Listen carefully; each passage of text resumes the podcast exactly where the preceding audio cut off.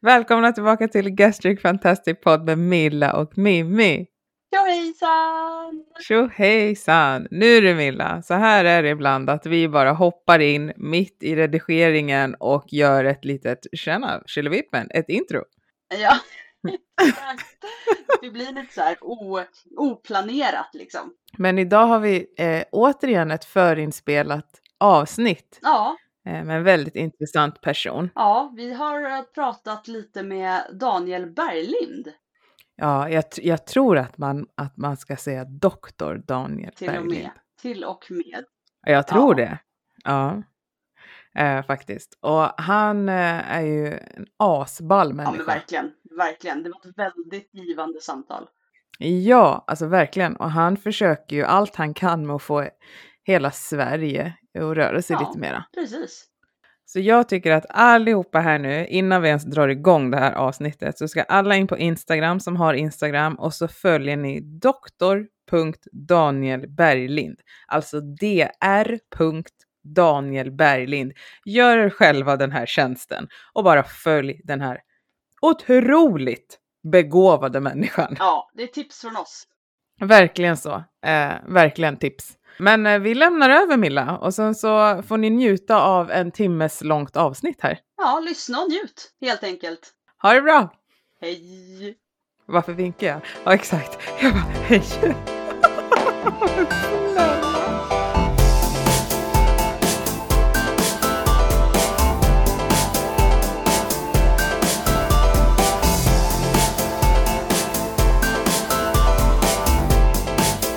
Men eh, välkommen till oss då, Daniel.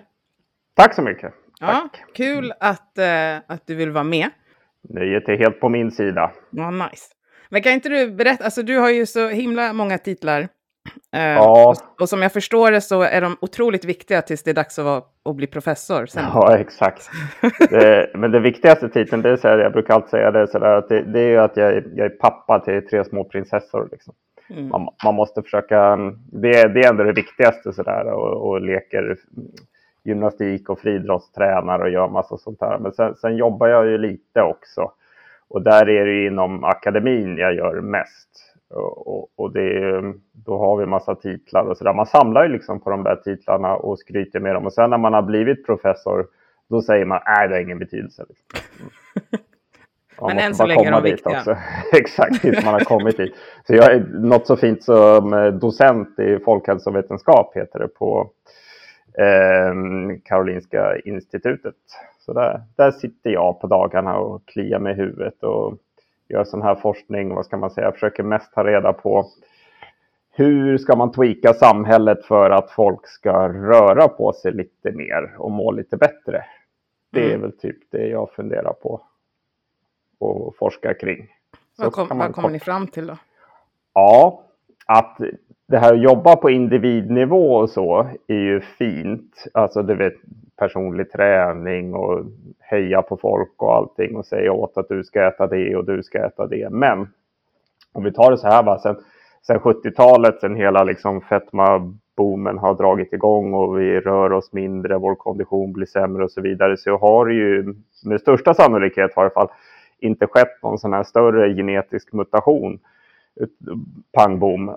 Utan det som har hänt är ju att vi lever i en annan miljö idag. Och den här miljön vi lever i främjar att vi sitter ner som vi alla tre gör nu ganska mycket. Eh, och att vi lever i en matmiljö också. Alltså ta så här, jag, när jag växte upp på 80-talet så gick man in i en mataffär så fanns det väl säkert eh, 15 flinkpaket eller vad vet jag. Eh, Nu när jag går in med mina prinsessor i random mataffär så är det 150 flinkpaket och det är den här jävla Elsa-prinsessan på 14 av dem. Liksom. Exakt. Eh, Så vi har ju en miljö som liksom pushar oss mot att äta saker som smakar alldeles för gott. Och det är öppet dygnet runt och det luktar kanelbulle överallt. Och eh, vi gör vårt bästa för att bygga saker så att vi inte ska röra oss. Vi får maten hemkörd, alla har såna här skärmar som är jättekul att pilla med. Eh, vi lägger parkeringsplatserna så nära köpcentret som möjligt. Så vi bygger bort den här vardagsaktiviteten och så bygger vi, i varje fall där jag bor mitt i stan, så bygger vi, det finns ju hur mycket gym som helst överallt. Och det är jättefint och så, men de enda som går dit är de som tycker om att träna och har en viss genetik som uppskattar fysisk aktivitet och så vidare. Det är en ganska befängd tanke kan jag faktiskt tycka, att liksom alla i Sverige ska träna. Det är ungefär lika befängt som att alla ska spela schack. Man bara, jaha, så du tror att alla kommer tycka om det? Liksom. det är ju, min, min, mamma kommer aldrig sätta sin fot på ett gym, tro mig. Vad som än händer, liksom. hon sitter där i Djursholm och dricker vin. Eh, men vad hon skulle behöva göra är att liksom gå lite mer i vardagen och röra sig. Och det är där man får alla hälsoeffekter. Sen om man vill ha det som en hobby att träna och så, det tycker jag är jättekul. Det är ju en mycket bättre hobby än massa andra destruktiva saker man kan pyssla med. Det här var en lång utläggning, men vi, vi kommer inte komma någon vart på att hålla på på individnivå, utan vi måste förändra samhället så att vi liksom rör oss mer och får mat som är vettigare utan att man behöver vara näringsfysiolog. Eh, liksom. eh, det ska vara enklare att köpa bättre. Mm. Och så kan man ju fråga sig, ja men hur vet du det? Har du någon data på det? Men alltså det är jättesvårt. Vi har liksom inte en, en, en värld där vi gör en sak och sen randomiserar vi en annan värld som ser helt annorlunda ut. Men man kan göra att kolla på sådana urbefolkningar i till exempel hur de levde i Afrika. Det finns en sån här befolkning som man har gjort massa forskning på som heter Hadza-befolkningen. En forskare där som är professor nu som heter Herman Pontzer. Han har hängt massa mätare på dem och kollat vad de äter och sådär. Det är sådana här som kastar spjut och äter rötter och, och, och, så. Och om jag inte har siffrorna fel i huvudet här så tror jag att de snittar på 22 000 steg om dagen. Och eh, de eh, äter typ eh, ja, någon buffel och sen äter de honung när de får tag på det och äter de bär och så äter de, de äter det som finns i naturen helt enkelt. Och de har ju också, vi kommer alltid ha normalfördelning, alltså vissa är jättelånga, vissa är korta. Vissa har lägre BMI, vissa har högre. Och det finns i Hadza också. Alltså viss, det är bara det att antingen är man supervältränad eller lite mindre supervältränad. Mm. Eh, så, och det är beroende på den miljön de lever i. Jag brukar säga det när jag föreläser på läkarlinjen att tankeexperimentet är att vi vet att över hälften av vuxenbefolkningen i Sverige klassas som med övervikt eller fetma. Och det tar ungefär två generationer för en från Asien att flytta till USA innan de har ungefär samma BMI som gemene amerikan. Så tar vi alla svenskar och så får man bo och leva med Hadza i två generationer. Sen har vi inget problem med fetma längre. För att det går liksom inte att ha det och leva i den miljön. Och då är det liksom hur mycket eller vad ska man göra i det svenska samhället så att alla bara mår lite bättre liksom. Eh, det är väl lite sånt jag förnular på hur man ska göra. Och det vi måste börja attackera det här från en samhällsnivå och sluta liksom gå in på individnivå och säga att du ska göra X, Y, Z. Liksom. Eh, problemet är ett samhällsproblem. Liksom. Ja, och jag tänker som du pratade om din eh, mamma som sitter i Djursholm. Alltså, mm. Räcker det med att hon går 10 000 steg extra då, per dag? Är det liksom det, vad är hälsosamt liv då? Om, mm. Hänger du med jag tänker? Ja, jag fattar. Ja, alltså, om man kollar på all, i princip all data som finns när vi samlar hur folk går, hur mycket man tränar och så vidare, om vi håller oss till det liksom och, och så, så är det så att den största minskningen i risk för att få sjukdom. Alltså man kan ju börja med så här, vad är hälsa och så vidare och vad vill man? Men de allra flesta är ändå överens om att man inte vill ha kroniska sjukdomar som man mår dåligt. Det är liksom, ja det vill vi minska risk för. Och sen så är det det här med livskvalitet som jag själv har gjort lite forskning på. Det brukar slå ganska högt och då pratar vi om sådana här saker som att man kan gå, man kan ta på sig kläderna, jag kan gå på toaletten själv. Alltså ganska basic grejer liksom. Det, det är de flesta överens om att det, det är bra och det kan vi klassa som hälsa liksom. Och bara för, om vi kollar då på den stegdata som finns och rörelsedata och träningsdata så är det liksom, om man går från att inte göra någonting till att röra sig lite, säg från 2000 till 7-8000 steg eller något sånt där. Man tar lite promenader, detsamma med styrketräning, man kanske gör det någon gång i veckan. Eh, liksom, det är ju där man vinner alla hälsofördelar. Sen blir det liksom planare bara ut och så blir det till och med en liten urformning på slutet. Jag har ett gym i källaren. Jag tränar, har alltid tränat jättemycket för det är min största hobby. Det enda som händer när jag tränar mer det är att min menisk går sönder gång nummer fyra. Det är liksom kul att jag har en hobby eh, men det har ingenting med folkhälsa att göra. Nada. Och det här tror jag man måste också få ut till folk lite. Min mamma tror att man måste vara Gunde Svan.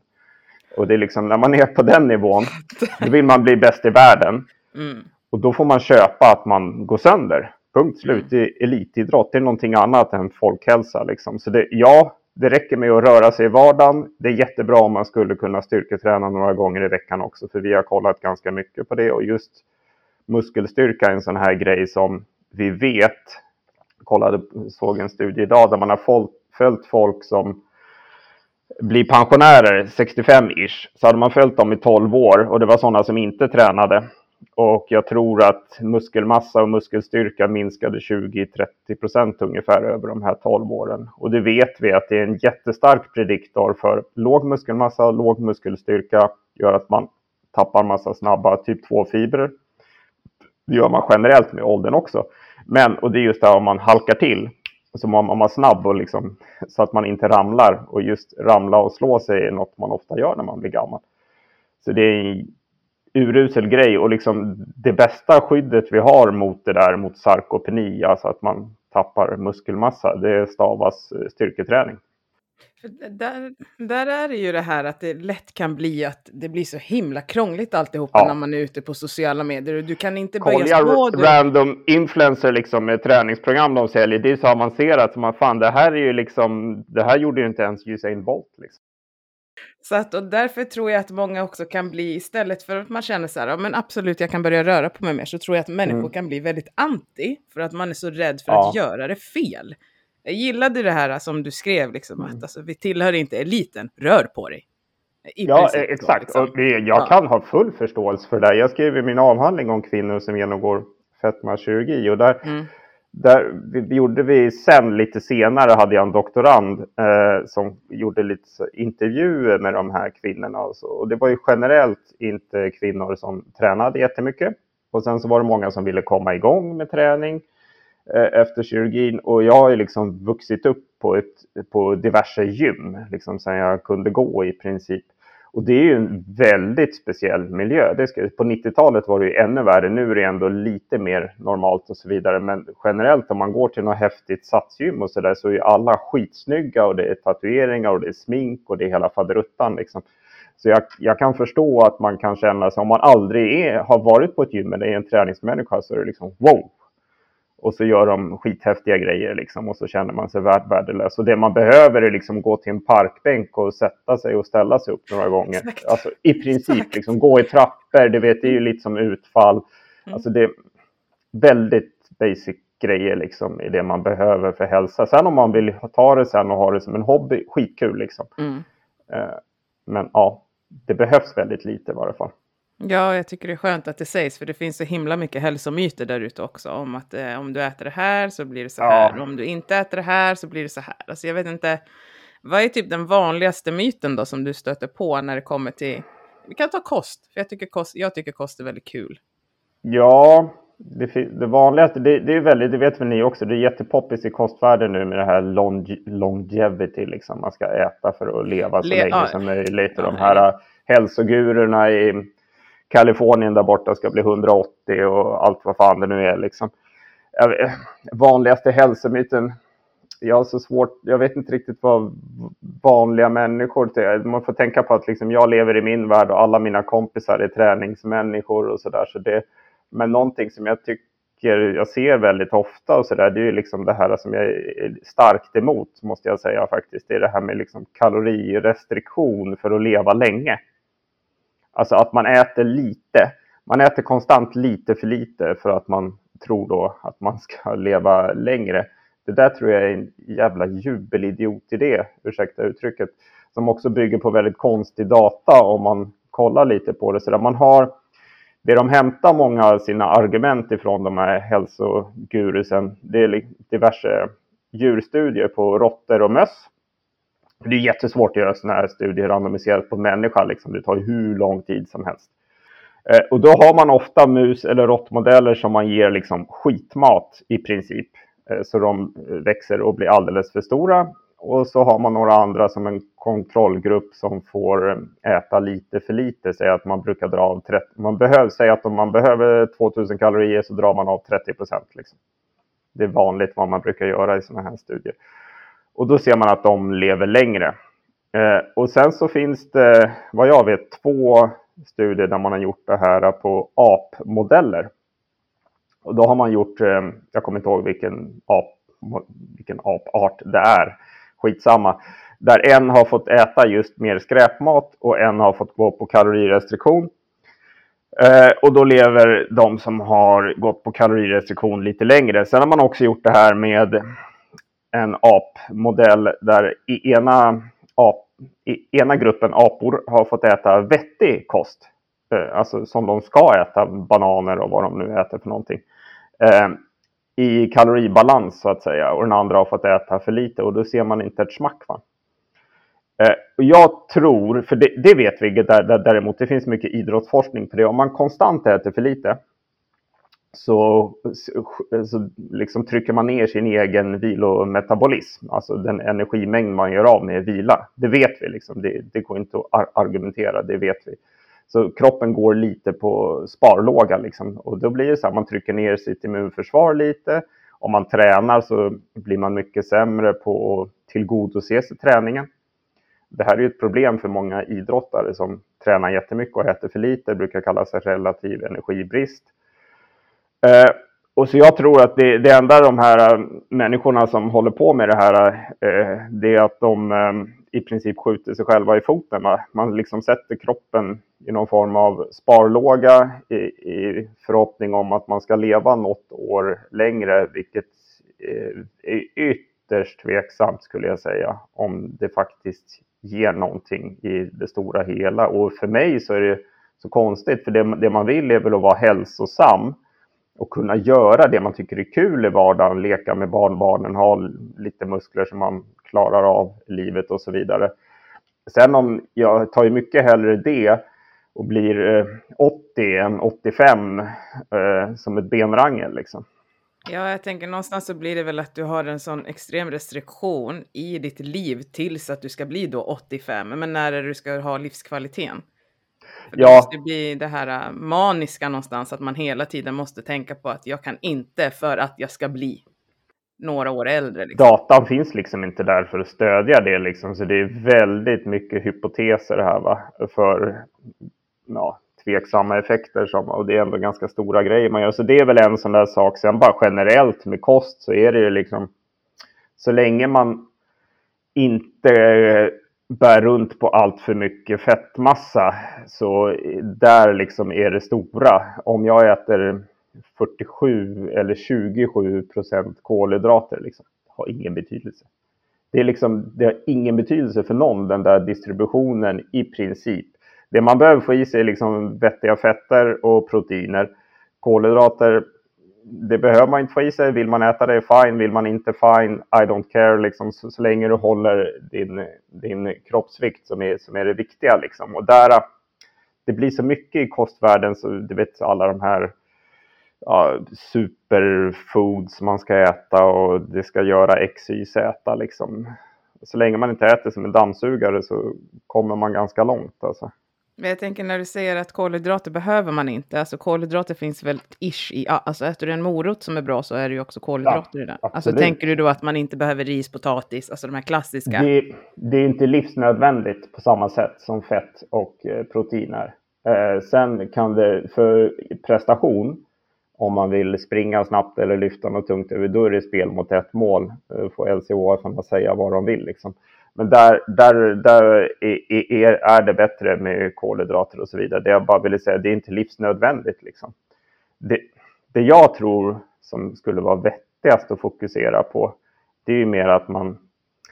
De enda som håller på med liksom matvågen och räknar om det är 27 eller 23 gram ketchup, det är kroppsbyggarna.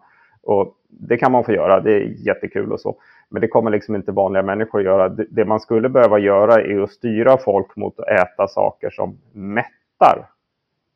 Riktig mat som mättar. Det är ganska svårt om man äter bra mat som avokado och fisk och morötter. Eh, försök att äta det och gå upp i vikt. Liksom. Det är jättejobbigt. Men de här chocopopsen som jag åt, det var min favorit när jag var liten, det, de slinker ner ganska fort. Va? Mm. Mm. Ja. Och så men, vill man ha mer liksom. Ja, men det är klart. Ja. Alltså det är det som är med det här uh, ultraprocess alltså den här ultraprocesserade maten. Allting är ju på något sätt processerat. Om jag lagar bröd här hemma så är det också processerat till en viss del. Men det här ultraprocesserade är ju också att det är ju framtaget för att det ska vara så himla gott, att vi vill ha mera. Men någonstans så här, jag tror att det är svårt eftersom att det handlar ju om företag och pengar. Och du kan ju, du tjänar ju inte pengar på ett samhälle som egentligen är hälsosamt. Nej, och ja, det där är bra så att ta upp också, för jag, jag lever i min bubbla och som, jag är eh, gift med en kvinna som är ekonom och revisor och numera redovisningschef och hon tycker allt jag pysslar med är, hon är trams att jag lever i någon form av bubbla. Hon liksom har sagt, jo men du, du har inte fattat att liksom livsmedelsföretagen, ICA och så vidare, är avkastning till aktieägare. Liksom. Du kan hålla på och babbla där borta om ditt jävla skit. Liksom. Nej, det är inte skit. Det, liksom, det är det de... Och, men jag hävdar här va, att det måste gå... Det är ju människor också och företag som i mm. grunden vill människan gott.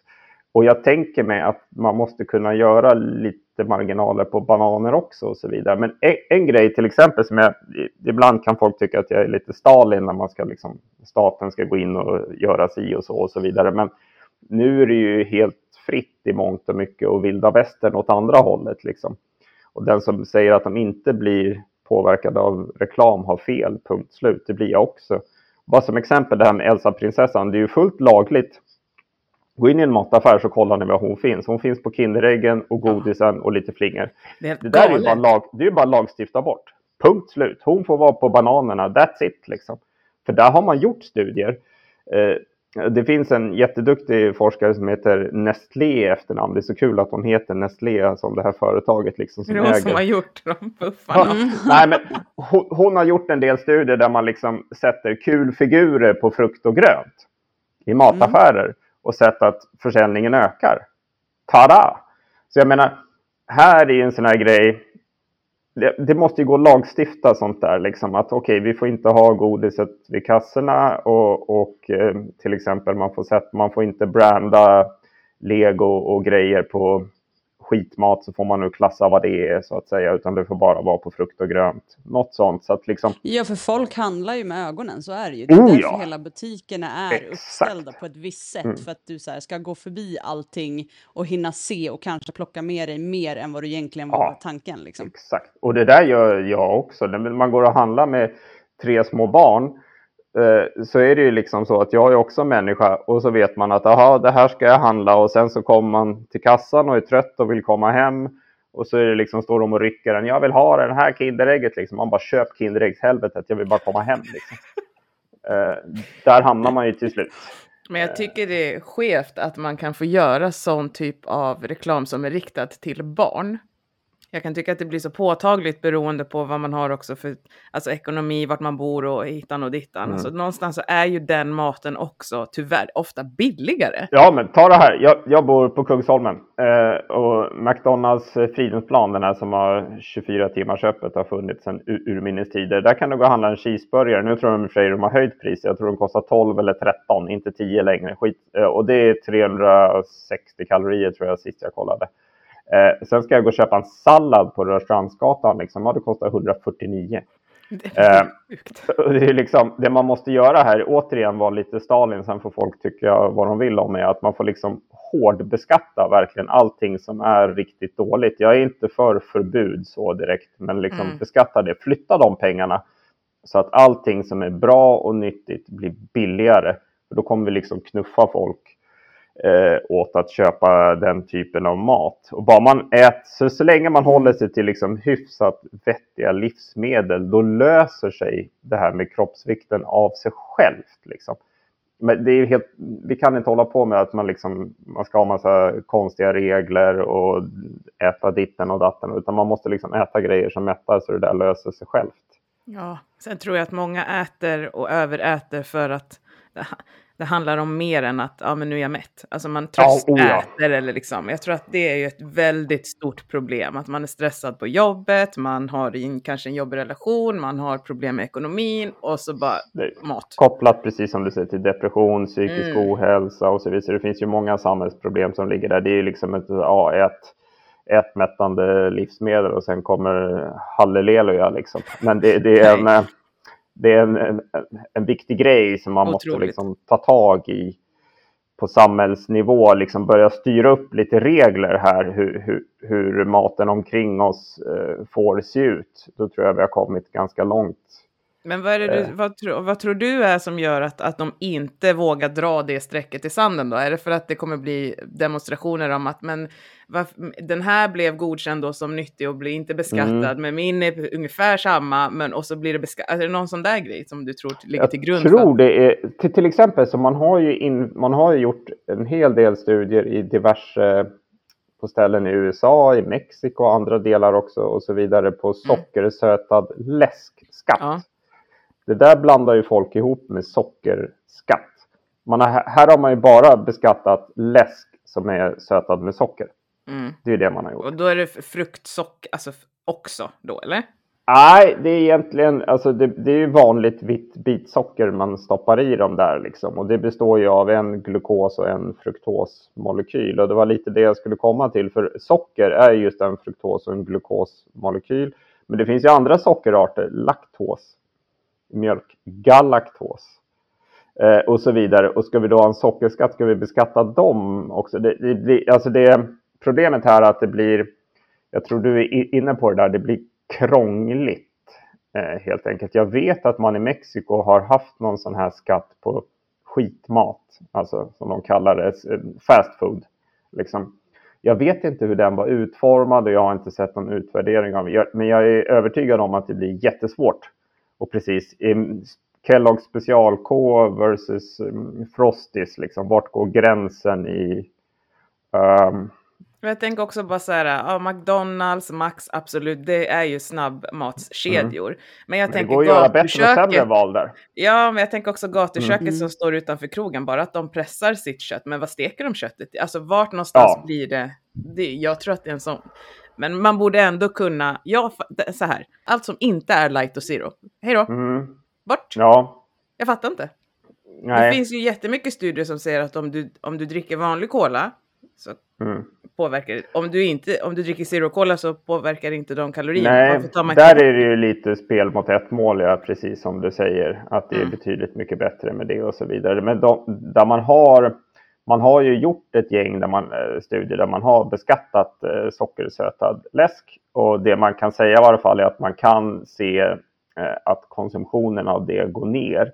Sen är ju då frågan, okej, okay, köper man något annat? Köper man mer chokladkakor istället eller bla bla bla och så, liksom, bla, och, och, och, och så vidare. Och vi har inte riktigt sett de här studierna där man kollar på de här hårda utfallen. Okej, okay, får folk mindre hjärt och kärlsjukdom då? Alltså, whatever. Men, och så är det kritiken man får, ja men det här är inte lösningen på fetma. Nej, vet du vad? Ingenting är lösningen på det.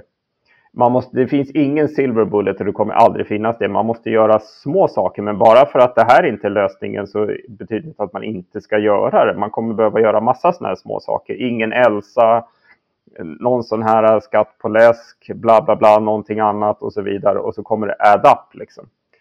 Eh, det är så man kommer behöva göra, gå, gå från som sagt, utgå ifrån den evidensen som finns. Det här verkar vara det bästa vi kan göra. Eh, och sen tror jag inte på totala förbud utan mer att man liksom flyttar skattemedel i så fall. Eh, och gör, jag är lite för att man ska få välja själv men de här valen ska göras lättare för oss.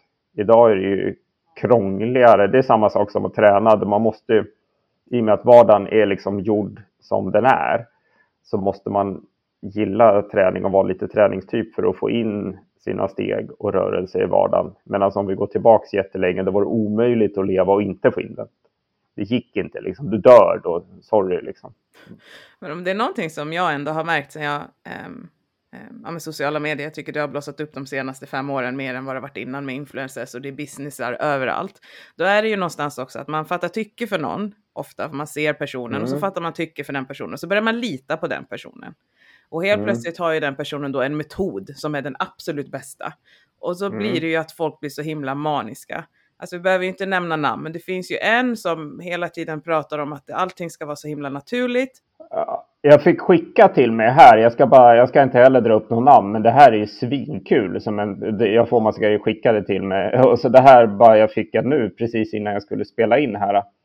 Mat är inte bara kalorier, det är information som pratar med ditt DNA och talar om vad det ska göra. Man bara what? För, är det det var du som sa det.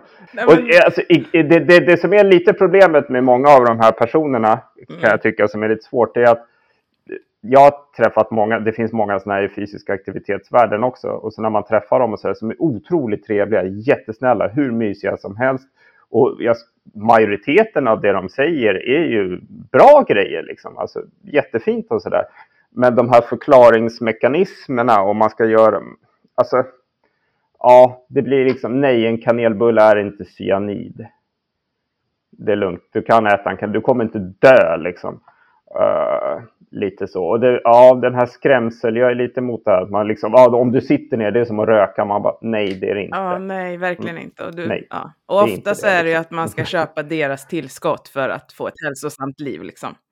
Liver King är väl exemplet eh, ja, liksom på det där som är liksom, och det, och det, roliga är när sånt här kommer ut och läcker och liksom, ja, han är på steroider. Man bara, vem i hela fridens värld trodde inte det? Nej, och det nej. fanns uppenbarligen människor som det var helt så här uppvak. Man bara, ja. Och, så, och han har gjort flera hundra miljoner dollar på att sälja, alltså lev som mig, ät ormar och allt man gör ute i ja. naturen. Här, köp mitt kosttillskott. Man bara, what? och så gör folk det. Man bara, ja, herregud. Ja. Men det är det som blir med det extrema ytterkanter. Ja. Du brukar också prata med, det blir de här extrema ytterkanterna. Det är så här, ät ormar eller mm. liksom gör det här. Det blir liksom så här, det finns ingen så här gråzon någonstans. Det är bara så här mm. extremist åt, på två håll, fast liksom på varsin mm. sida som står och skriker liksom. Och jag tror det är så svårt att leda i bevis, men jag tror att de här nästan gör mer skada. För de här som är extrema, de lever ju helt klart extremt för de allra flesta människorna, äter väldigt speciellt tränar jätteavancerat och jättemycket. Och så tittar någon som inte är en träningsmänniska och inte är så intresserad av kost egentligen och så bara holy shit! Är det det där jag måste göra för att vara hälsosam? Glöm det!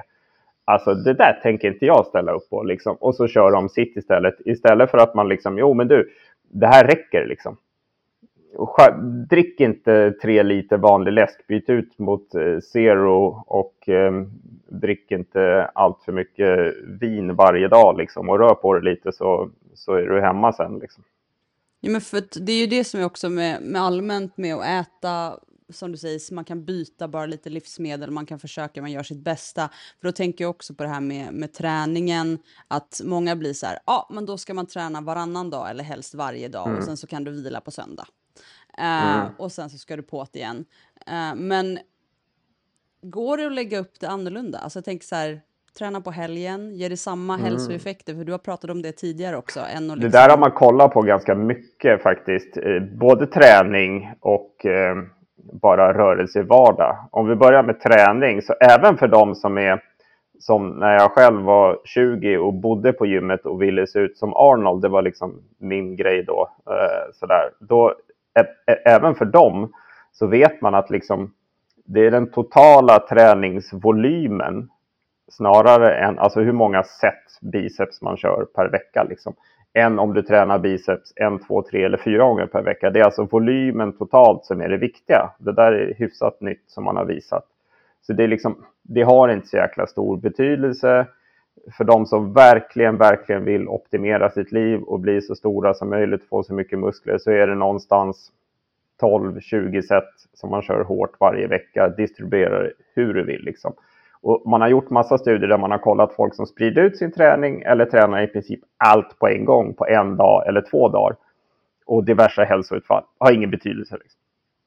Så vill du smacka på allt på en gång, gör det. Eh, har du ett gym i källaren som mig och går ner och kör lite bara då och då, det går jättebra det också. Gör, gör vad du vill. Liksom. Och detsamma med steg och rörelse i vardagen. Där har man också sett då att de som, det, man brukar kalla dem så här weekend warriors, det tycker jag är ett kul namn.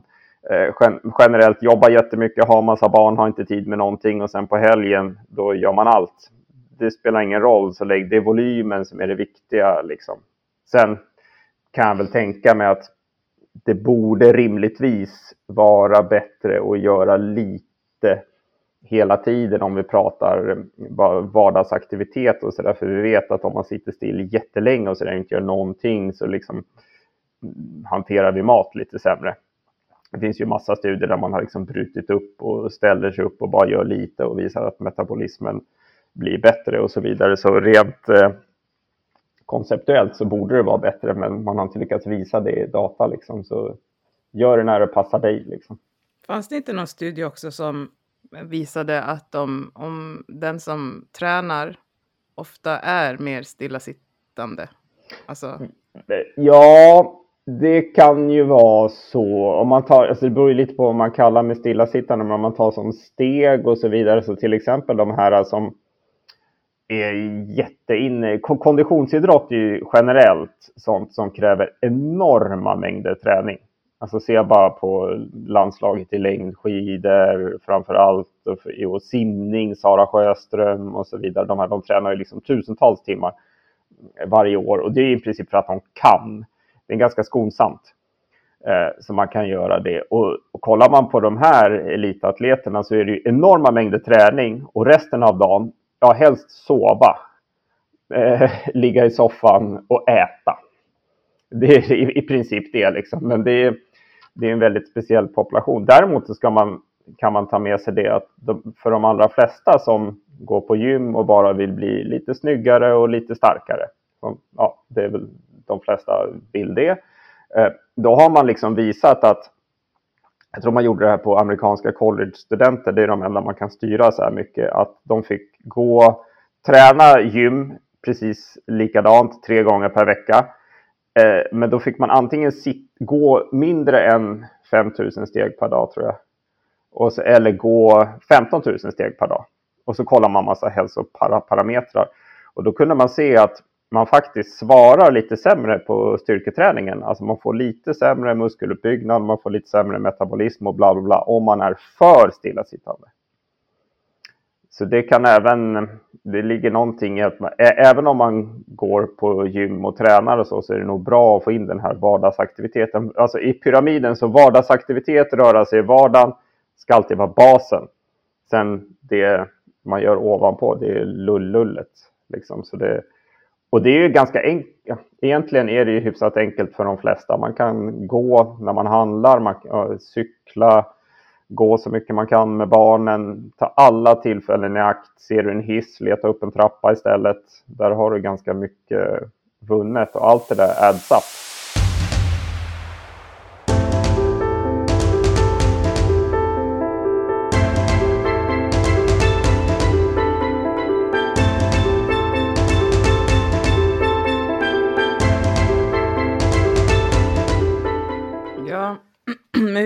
Ut med jag tänker, du kör ju mycket, du ska väl precis släppa en bok? Precis. Mm. Ja, grattis! Tänker, ja, mm, verkligen. Spännande. Grymt mm. jobbat mm. alltså. Hur, men hur ser det ut med, för jag tänker någonstans att det brukar ju, eller är barnet överviktigt så brukar det följa med liksom upp i åldern också. Hur, mm. hur mycket rör sig kidsen idag? Alltså rör, är det tillräckligt? Ja, de all, det är väl tyvärr lite så uh, som det är för vuxna. Om vi kollar på den data som finns i Sverige med rörelsemätare, dels på lite äldre skolbarn som andra forskare har gjort, så tror jag det största studien vi har där, jag har inte siffrorna exakt i huvudet, men där var det gjort på barn, i, Gisela Nyberg som är docent på GH och hon kollade på barn i årskurs 2, jag kommer inte ihåg, 2, 5 och 8, något sånt. Och det, blir, det, det, internationell data visar lite samma sak, att det går neråt. Man är mer aktiv i årskurs 2 än man är i årskurs 8. Om jag inte minns fel Så årskurs 8 tjejer, generellt sett så rör sig tjejer mindre än killar och det är ända ner till ett års ålder. Liksom. Jag tror att det, jag har, det finns ingen som vet varför riktigt. Jag skulle tro att eh, mina gissningar är att ett, det finns något biologiskt. Jag tror att om man tar ett gäng tjejer och ett gäng killar och stoppar på samma ställe så är killarna mer eh, aktiva. Jag tror det finns något biologiskt, men det är absolut inte så stort som vi ser i data. Så jag tror att hade jag fått tre prinsar istället för tre prinsessor så hade jag gjort något annorlunda som förälder, omedvetet. Och jag är helt övertygad om att samhället och förskolan behandlar dem olika beroende av vilket kön de har. Alltså om jag ska hårdra det så här, här är en docka, sätt det här i hörnan. Här är en bil, spring och lek Niklas. Ja, de gjorde ju någonting, förlåt att jag avbryter, men de gjorde ju mm. någon sån här, eh, att de kollade eh, på BB, hur man mm. pratade med spädbarnen, om det var en mm. flicka eller pojke. Eh, och var det en pojke och de tog tag i fingret så var det så ah, pappa starka kille och liksom så här. Mm, mm. Och var det en, en flicka då var det lite så här, ah, du är så vacker och dina ögon och ja. dina läppar. Och så att det, det börjar ju redan när de är spädbarn liksom. Ja, absolut, och det tror jag är mycket. Det är, det är nog mycket man gör omedvetet. Det är inte för oh, att ja. vara taskig liksom, eller någonting, utan vi är programmerade så av samhället. Ja. Liksom. Eh, så det, det, tror jag där, men det, jag tror, om jag kommer ihåg hennes siffror rätt så är det någonstans 10-12 eh, procent av tjejerna i årskurs 8 som når upp till rekommendationerna ja, i fysisk aktivitet och det är för barn 60 minuter hopp och studs varje dag. Alltså 60 minuter som man blir lite andfådd, liksom tänker gå i trappor typ. Vi har precis kollat på det här hos nästan 4 000 förskolebarn i Stockholm i alla stadsdelar. Eh, och vad har vi där? Jag kommer inte ihåg, men 60, kanske 70 plus 60, något sånt procent som når upp i rekommendationerna eh, från fyra år. Eh, hos, ja, I snitt fyra år var de då. Alltså Stockholm vet... innanför tullarna då, eller? Nej, vi har um, lite större än så. Alla elva stadsdelar är nu, det var 13 när vi började här, men typ okay. Årsta och Hässelby och okay. Rinkeby, mm. Tensta mm. och så vidare. Inte hela länet liksom, men Nej. stadsdelarna så att säga. Eh, men vi vet också att sådana här aktivitetsvanor tenderar till att tracka hyfsat i varje fall genom livet. Det vill säga, man är aktiv när man är liten så har man större chans i varje fall att vara aktiv när man är större. Och det gäller ju idrottsvanor och så också. Det kan man väl tänka sig lite att så här, det, om man har eh, cyklat så är det ju lättare att ta upp cykeln sen när man är äldre. Eh, det bara kommer liksom. Har du tränat en gång, det vet ju jag som också lekt PT och tränat massa människor. Får man in någon så, som har en träningsbakgrund så är det ju bara enklare liksom, för att de vet lite vad träning är. Liksom. Annars är det en mer en brantare kurva. Liksom. Så det är väl sånt jag pysslar mycket med, att bygga de här vanorna det är så självklart när vi pratar mat att i princip alla vill ge sina barn någon form av vettig mat. Mindre Choco Pops och, och mer potatis och fisk och framförallt grönsaker som är knepigt. Det vet alla som har barn. För att man tänker sig att sådana här vanor trackar genom livet. Liksom. Det är bra vanor. Detsamma gäller ju fysisk aktivitet. Mina barn får inte åka hiss eller rulltrappa. Liksom hur de går. Det är en vana. Alltså så här, vi ska handla, om då cyklar vi eller går. Man tar inte bilen. Vi använder liksom vart man än ska till alla träningar, allting. De, de, liksom, de vet inte att man kan ta sig dit på något annat sätt än cykel eller gå. Det är nice. Men alltså blir inte det lite svårt också när man bygger bort liksom ja, men, utegårdar för kidsen. Jag vet inte hur, skolgårdar, nu finns det ju, jag vet inte om man bygger nya skol, skolor utan skolgård, men jag tänker så här, dagis bygger de ju i hög, alltså i betongkvarter där det liksom är en, ja, men, en sandlåda och så här, jaha, var ska de rasta ja, då? De gör ju det här där jag sitter nu, Hagastan, där har de ju byggt massa förskolor med minimala, ingen eller en förskolegård på taket. Uh, och så är liksom argumentet att det finns Hagaparken. Man bara, ja, uh, ta min treåring och så går ni till Hagaparken. Det är ju liksom, det är en dagsutflykt. Och särskilt om du ska göra det med 15 stycken. Liksom. Och det man vill är ju bara kunna öppna liksom, och här, kör på. Liksom. Exakt. Och där har vi visat, det är ju dosrespons. Ju större förskolegård, ju mer rör sig barnen. Liksom. Tada! Eh, så det är, och sådana här grejer tror jag, det är lite konstigt att man får bygga saker. Det borde finnas regler att så här, x antal bostäder, sen måste det finnas så här stort grönområde. Mm. Eh, och så här stort måste, det finns ju liksom inga regler, man får inget straff om man bygger en för liten förskolegård eller skolgård eller någonting. Och det borde man få, man borde inte få bygga för att det vi gör är att bygga ställen som kommer, visst jag fattar att får man in mycket lägenheter och så nu så kan man dra in mer stålar men på sikt så mm. kommer det kosta en massa diabetes typ 2-fall om 40 år. Liksom. Visst. Ja, och det, det, men jag, om du, för det är det här jag tänker också att du, alltså man forskar och man tar fram studier och man tar fram evidens och man presenterar det, men det känns ju som att ni som faktiskt gör det här på riktigt, att, att det hela tiden är liksom ett motgång. Alltså ni får ju inte gehör, ja. eller?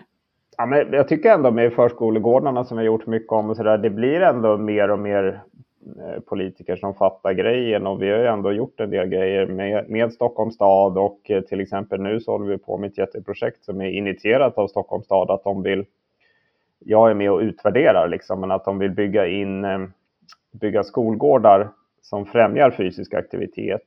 Men framförallt så vill de bygga in mer grönska Eh, och det här är väl för att det har varit en väldigt eh, stor debatt om miljön och så. Och alla är ju överens om, förutom de som röstar på Sverigedemokraterna, att det kommer bli varmare i städer.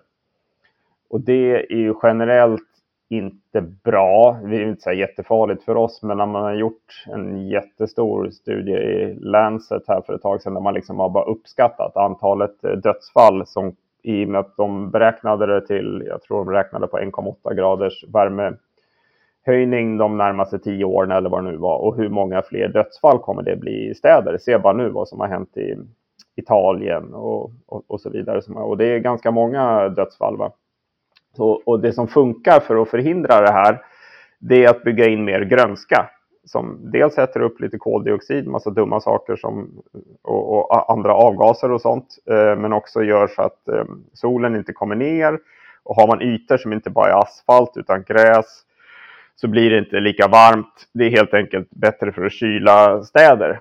Och då ska Stockholms stad, och man har gjort det här i Paris, byggt alla sina skolgårdar med grönska och nu vill Stockholms stad också ta fram något evidensbaserat templat för att bygga det här och se om barnen eh, rör på sig lite mer och om de tycker skolgården är roligare och så vidare. De kanske mår lite bättre och sådana grejer. Så det försöker vi utvärdera nu. Så jag tycker ändå att staden har börjat fatta det lite mer så. Men sen, är det ju såklart, det, alltså, det ska ju klubbas igenom i nämnden och det är ju en budget som ska sättas och det har jag ju märkt lite när vi har gått ut med data som är lite preliminär där vi kan se att barnen minskar sin sjukfrånvaro och framförallt vab mm. när de rör sig lite mer. Då är det liksom, oh, så fort ja, det blir pengar. Liksom, då, pengar man kan spara. Då är det liksom en ja. att så här, ja, de rör sig lite mer. Det är så här, ja, det är ju kul. Men, så att säga. Så det är, jag tror man som forskare att man må, vi måste bli bättre på att kommunicera men också arbeta lite med de här utfallen som är viktiga för politiker. Liksom. Man får ta mm. spelet dit man kommer. Liksom. Ja, jag tänker för det. Jag, jag kan tycka att det är lite samma egentligen grej med fetma. Att eh, mm. det finns ju så himla mycket forskning som, alltså fetma är inte hälsosamt så. Eh, ja. det är liksom, men det kommer ju hela tiden den här ytterkanten som ska påvisa att så här, men det är inte så farligt som ni försöker påstå för att jag mår ju bra och så blir ja. det liksom en jätteklubb. Min mormor rökte hela sitt liv och hon blev 92. Ja men förstår vad jag menar, det är ju individen men på mm. gruppnivå mm. så ja, kanske det inte mm. är lika bra att, att blossa liksom. Mm. Eh, och jag tänker någonstans att folk pratar, och det är det som jag kan tycka är så intressant, att man fattar liksom inte att man måste se det från, från två, alltså du måste ha två tankar i huvudet samtidigt. Jag Exakt. tänker att nu pratar man om att ah, men, eh, periodisk fasta är det bästa för det var så mm. vi levde, bla bla bla. Ja, precis. Jag vet inte om alla gjorde periodisk fasta på 70-talet liksom. Eh, och så vidare, när vi inte hade så mycket problem. Sen, säger inte jag att det, det jag tror det kan vara mycket bra i det här med alltså, fast. Jag tror det är jättebra att folk eh, ska kasta skit på min mamma igen här, men hon, hon tror ju att om man inte äter frukost så dör man. Det, liksom, det händer ingenting. Sorry, liksom, det är ungefär det som händer. Så det kan vara bra att folk lär sig att så här, jag kommer inte dö och så vidare. Men sen är det ju, alla former av dieter bygger ju på regler. Okej, okay, carnivore diet, du får bara äta det här. Och ju mer regler, ju bättre liksom funkar det om man säger så, rent eh, om vi låser in folk i ett labb. Men sen det man vet från alla typer av dietstudier och så vidare, att det som har någon betydelse i the long run, det är ju om man kan följa det eller inte. Jag kan hitta på en diet som kommer göra att du tappar vikt jättefort. Du får äta, vad är det för någon dag idag? Fredag klockan är 12.54. Du får äta fredagar 12.54 till 12.55. Så kör på det liksom. Den kommer vara jävligt effektiv. Men den är knepig liksom att följa. Och det är det som är så här med carnivore och så vidare. Ja, tacka fan för att folk går ner i vikt. Det är ju sjukt restriktivt liksom. Alltså bara äta entrecote liksom. Ja, det är gott, men bara. Mm. Gå till ett julbord och så får du bara äta gravad lax. Tro mig, du kommer bli less på den där gravade laxen efter ett tag. Liksom. Även om du tycker det är väldigt gott och så vidare. Så det är ju regler och om någon trivs med att äta på ett visst sätt. Ja, men jag äter inte lunch eller jag äter inte middag, jag äter inte frukost och det passar mitt liv jättebra. Fine, perfekt. Men hitta inte på någon så här, ah, men det är för autofagi. Man bara, nej. Det är inte därför. Tro mig. Men jag tänker någonstans, all... skitsamma om du har ett ätfönster. Så, alltså, du, ja, ja. Ligger du på det väl alla liksom. Ja, och ligger ja. du på kaloriunderskott så kommer du gå ner i vikt. Och ligger du på ett överskott så kan det vara att du går upp i vikt över tid. Och ligger du i balans så kommer det inte hända ett skit med din vikt. Så spelar det ingen roll om du äter första målet klockan 12, klockan 7 eller klockan 18. Alltså, Nej. egentligen. Så. Nej, precis. Det enda man kan säga där liksom en brasklapp att säga, ja, skiftjobb och äta mitt på natten verkar inget bra. Å andra sidan om man har det jobbet, liksom, ja, fan ska du göra då? Liksom? Alltså, du får göra det bästa av situationen. Det är ju fortfarande mycket bättre att äta bra mat klockan tre på natten än en Snickers. Uh, så det, men, men det, och det kan väl också vara en sån här grej. Jag tror det är det som blir så knepigt med de här eh, uh, influencersna. För jag fattar ju lite, alltså min bror är sån här, uh, lever i medievärlden och är någon form av chefen och sån där grej som ja, reklam, ni vet. Eh, och eh, då är det ju så att man då måste ju sälja något som, som går att sälja så att säga. Alltså det måste ju vara något, någonting unikt. Och här är så här, ja, det här är det som funkar. Det är tyvärr lite tråkigt. Det är ju inte så jävla sexigt att paketera. Liksom. Det var ju det Crossfit var väldigt duktiga på. Liksom. Ta träningsmetoder som har funnits hela, alltså sedan urminnes tider och paketera det sjukt snyggt. Liksom. Det är fantastiskt. All, all cred till dem. Liksom. Eh, så det, och det är väl det många av de här influenserna lever på, paketera saker. Eh, och så länge det inte är helt uppåt väggarna så tycker jag inte att det är något jättefel. Men ibland så blir det ju bara att jag tror att det gör mer skada än nytta. Liksom. Mm. Men det blir väl att man plockar det man behöver ur ett sammanhang för att kunna mm. sälja sin egen grej. Mm. Och, det, det, kan bli fel. Men så mm. intresserade är ju inte folk mm. egentligen. Alltså, Nej. Och det, det, där blir det ju då att, men då litar jag på vad du säger, för jag har följt dig i ett halvår och jag tycker om mm. ditt content. Så att om du säger att mm. jag måste göra så här, då gör jag det och så betalar jag dig pengar. Och så bara, aha, men mm. det funkade ju inte. Jag kan inte Nej. leva så här. Nej. Men ibland känns det som att man bara sätter en rosett på en bajsmacka liksom. Ja, ja, lite så. um, ja, ja, nej, men det, ja, det är problematiskt hela den där grejen. Jag vet inte riktigt hur man ska komma åt det heller och så vidare. Men jag tycker bara så, det är näst, det är, man kan ju i princip hitta på precis vad som helst och vara ganska safe med det ändå, eh, tror jag. Och där kanske man skulle behöva se över lite, att man skulle behöva ha lite mer uppstyrt liksom. Men hur skulle du säga då att man eh, ska skilja på trams och fakta?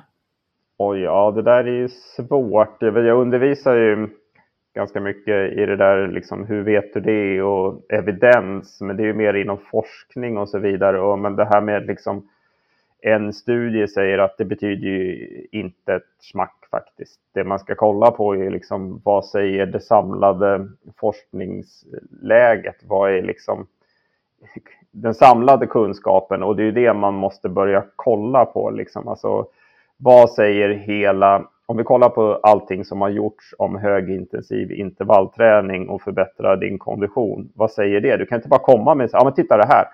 Så generellt när någon säger att en studie visar eller någon visar att då är det bara wow. Så. det, mm, ja, eh, man, man, måste liksom sätta det i, i ett sammanhang generellt så. Det är ofta då man kollar på här forskningsöversikter, metaanalyser och så vidare. Sen kan det ju såklart finnas problem med sånt också, men man hamnar ju mer rätt i varje fall. Alltså, det känns ju som att det kommer ta ett tag innan samhället justerar eh, eh, fett, fetma Ja. Vad ska man kalla det? Men tror du liksom att medicin och kirurgi är eh, en bra grej tills det Eh, som sagt, den där kirurgin har ju räddat jättemycket liv och funkar ju för viktminskning på sikt. Det är inget snack om saken. Eh, sen är inte det svaret på allt och det finns jättemycket problem med det där också. Eh, det är liksom inte allting i guld och gröna skogar. Vissa får problem efter och så vidare. Och jag vet att man gör det i vissa delar av världen. Man har gjort det på test i Sverige också. Jag vet, jätteduktiga forskare som kollar på det där när man gör det på ungdomar och så vidare. Och jag tror väl kanske inte kirurgin är liksom eh, lösningen på samhällsnivå, men för vissa personer så tror jag det är det bästa man kan göra. Eh, och sen är det väl inte det bästa eh, det här att vissa åker i säkert igenom nätet eller vad man ska säga lite för lätt och, och, kanske gör det utan att ha tänkt igenom och så vidare. Och sen uppföljningen kan man väl diskutera om den är så bra som den borde vara efter det där. Men däremot någonting som är lite positivt nyligen, det är den här nya fetmamedicinerna som tidigare har ju mycket fetmamedicin gått ut på att man i princip inte tar upp det man äter man har liksom blockat fettupptag och i viss mån kolhydrat och testat det där. Och det har varit ganska mycket sidoeffekter. Eh, man har mått dåligt, diarréer, you name it, liksom. plus att de inte har varit så effektiva. De här nyare som har kommit nu de senaste tio åren, och sånt, de går ju liksom på hjärnan istället och gör så att vi upplever mer mättnad så att folk spontant äter eh, mindre och det här är inte så jätte, alltså det här har funnits ett tag nu. Det har kommit mycket randomiserade studier. Eh, liksom all, allting tyder på att det här verkligen funkar. Alltså, det är inte så mycket att snacka om. Och då, i träningsvärlden så hör man ju ofta att det är så kul att det, man gör ju det här i studierna tillsammans med livsstilsförändring till exempel. Det är inte så att man bara tar medicin och så här, gå och drick eh, cola liksom. Eh, och då får man kritik från träningsvärlden att säga, ah, men de tappar muskelmassa. Man bara, ja du, nämn en viktminskningsmetod där man inte gör det eh, om man inte styrketränar. Liksom. Eh, så att säga. Och, och de här går på hjärnan. Och det, sen finns det ju, vi vet ju, så, ja, långtidsuppföljningar då, vad händer om 20 år? Ja, det har vi ingen aning för de har inte funnits i 20 år. Liksom. Men hittills så ser man inte så jättemycket allvarliga biverkningar. Vi kan liksom inte se någon hjärt och kärlsjukdom, risk och bla bla bla och så vidare. Jag tror den vanligaste rapporterade, rapporterade biverkningen är illamående. Eh, och sen har vi det här problemet. Min fru är revisionschef på ett läkemedelsföretag och alla de där läkemedelsföretagen de sitter väl och garvar nu i och med att det funkar så sjukt bra. Och det är något de måste äta resten av livet. Där har du något som de gillar. Eh, och som det är idag, ja, vi kollade på det där andra forskare här där jag sitter eh, ganska nyligen, vilka som förskrivs det här i, eh, i Stockholm. Och det är ju min mamma i Djursholm, eh, alltså de som har det alldeles för bra. Liksom. Det är dyrt man har ju fortfarande den här livsstilen som inte är tipptopp ofta som man ska göra i samband med det här. Det, det som kan vara bra med det som vi vet från koststudier till exempel att om man ser en förändring fort, tvärt vad många tror, det är så här, om man går på någon pulverdiet eller någonting, så är det ofta mer effektivt för long, long term eh, weight outcomes. För att, och då tror vi att det är för att man, man ser en effekt, det händer någonting det är ju ganska tacksamt faktiskt med träning om man har någon som är jätteotränad eh, och så vidare. Eller om man får in unga killar för den delen. Så liksom det går fort att se resultat. Och ser man resultat så kan man tänka sig att ah, men det här är någonting jag skulle kunna fortsätta med. Och där tänker jag mig att livsstilsförändring och medicin kan gå lite hand i hand. Liksom just det här med att det, det ska gå fort och, och, jag vet inte vad den, om, om den typen av eh, viktnedgång när det går snabbt har någon påverkan på setpoint också. Men jag tror Möjligt. att om inte ja. annat så är det ju motivation att man ser att det faktiskt händer någonting och att det inte handlar mm. om liksom eh, fyra kilo på sex månader utan du kan landa ja. på kanske 15-20 på ett par månader. Mm. Och just det här med setpoint, eller det finns massa olika namn för det där. Eh, ja. ja, precis. Men det, det där tar ju ganska, som när jag har försökt att kolla upp det där, liksom, så tar det ju ändå eh, dessvärre ganska lång tid ja. och liksom förändra det där. Och det är ju lite samma sak. Det finns ju även en del som tyder på det liksom i träningsvärlden och så vidare. Att har man väl tränat upp sig till en viss muskelmassa och en viss styrka mm. Eh, så kan man ju sen i princip sluta ett tag. Men man går liksom inte tillbaka till basnivåerna. Liksom. Du tar, det ligger liksom lite kvar. Och det är samma sak eh, med kroppsvikt och vad man äter och så vidare. Det kan nog ta upp till flera år liksom innan det där har gått tillbaks. Liksom. Ja, jag tycker det är så intressant för mm. att någon, det, de säger ju att våran en vis som är eh, alltså magsäcksopererade, mm. att den justeras alltså på operationsbordet egentligen. Ja, där är det ju någonting, där är det något annorlunda liksom och det, det vet vi ju inte faktiskt. Ska man ju, jag vet min eh, gamla eh, bihandledare Erik Näslund, han är väl liksom the shit inom just fetmakirurgi och var en av de första som kollade på det här, precis som du säger, för det, det händer ju någonting liksom innan ens viktminskningen har startat. Mm. Så kan man se en massa hälsofördelar och så vidare. Och jag vet att han var en av de första som just kollade på det här, att det händer något med de här hormonerna i hjärnan mm. liksom, direkt efter. Eh, och det är lite samma sak som de här, nu spekulerar jag bara, men det är ju samma sak som de här fetmamedicinerna går på.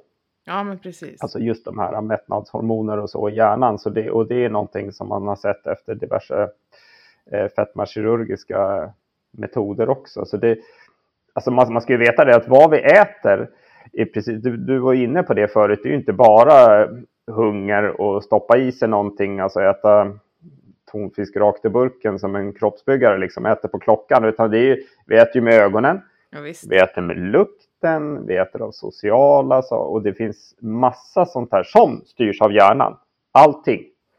Och kan man då manipulera det där på något vettigt sätt, då tror jag man har kommit ganska långt. Istället för att den här liksom rest, rest, vad ska man säga, restriktiva grejen att man ska stoppa i sig det och skita ut det. Liksom.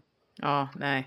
Då är det bättre att inte stoppa i sig det, liksom. att man Verkligen. går på hjärn, eh, järnverksamheten. För det är där det styrs ifrån vad vi väljer att stoppa i oss och hur vi uppfattar det vi, vi stoppar i oss. Liksom. Det är ju som man stoppar i munnen och så vidare, men sen är det hjärnan som berättar för oss om det var gott eller inte.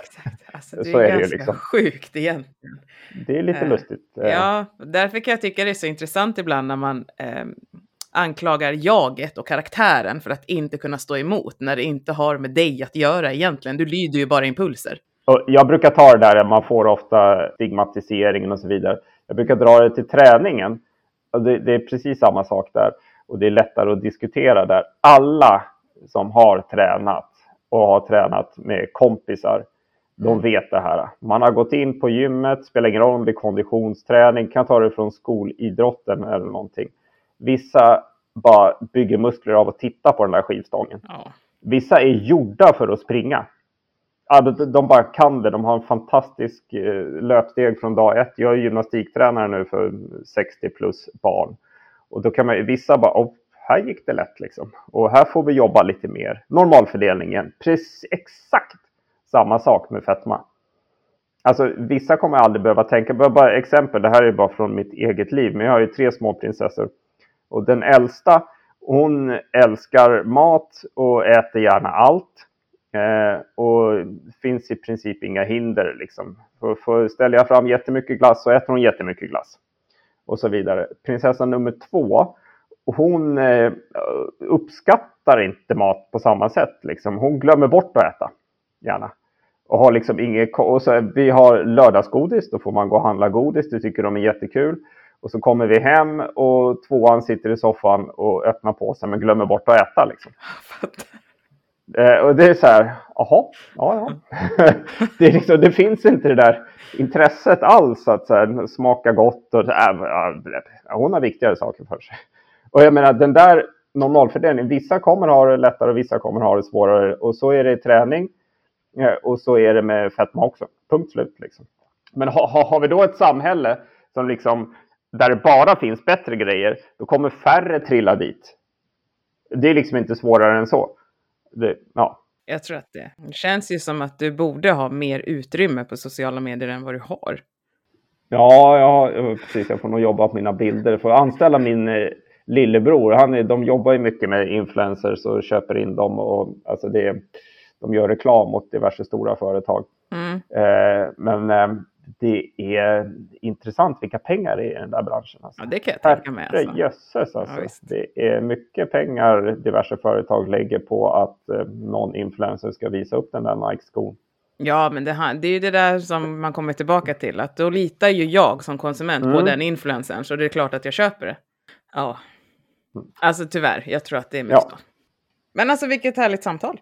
Ja, tack. Det var supertrevligt. Ja, verkligen. Mm. Eh, så att eh, dig kanske vi bjuder, eh, kanske, men vi bjuder säkert in dig igen om du har lust. Absolut, vi får väl ta någonting här framöver när vi har kommit lite längre här med skolgårdarna eller något annat ja. kul när vi har något roligt att visa så att säga. Ja, eller när du har blivit professor. Håller du på att plugga ja. till det eller? Ja, det plugg, man jobbar ju liksom bara vidare så där. Liksom efter man har disputerat så måste man liksom ja, handleda lite doktorander, dra in lite pengar, publicera lite. Då, får man, då kan man ansöka om att bli docent. Och sen får man bara jobba på, mer doktorander, mer pengar in eh, i anslag och sen så publicera mer och när man har gjort det tillräckligt mycket så kan man börja ansöka om så här professurtjänster som utlyses på KI mm. om man vill bli professor där.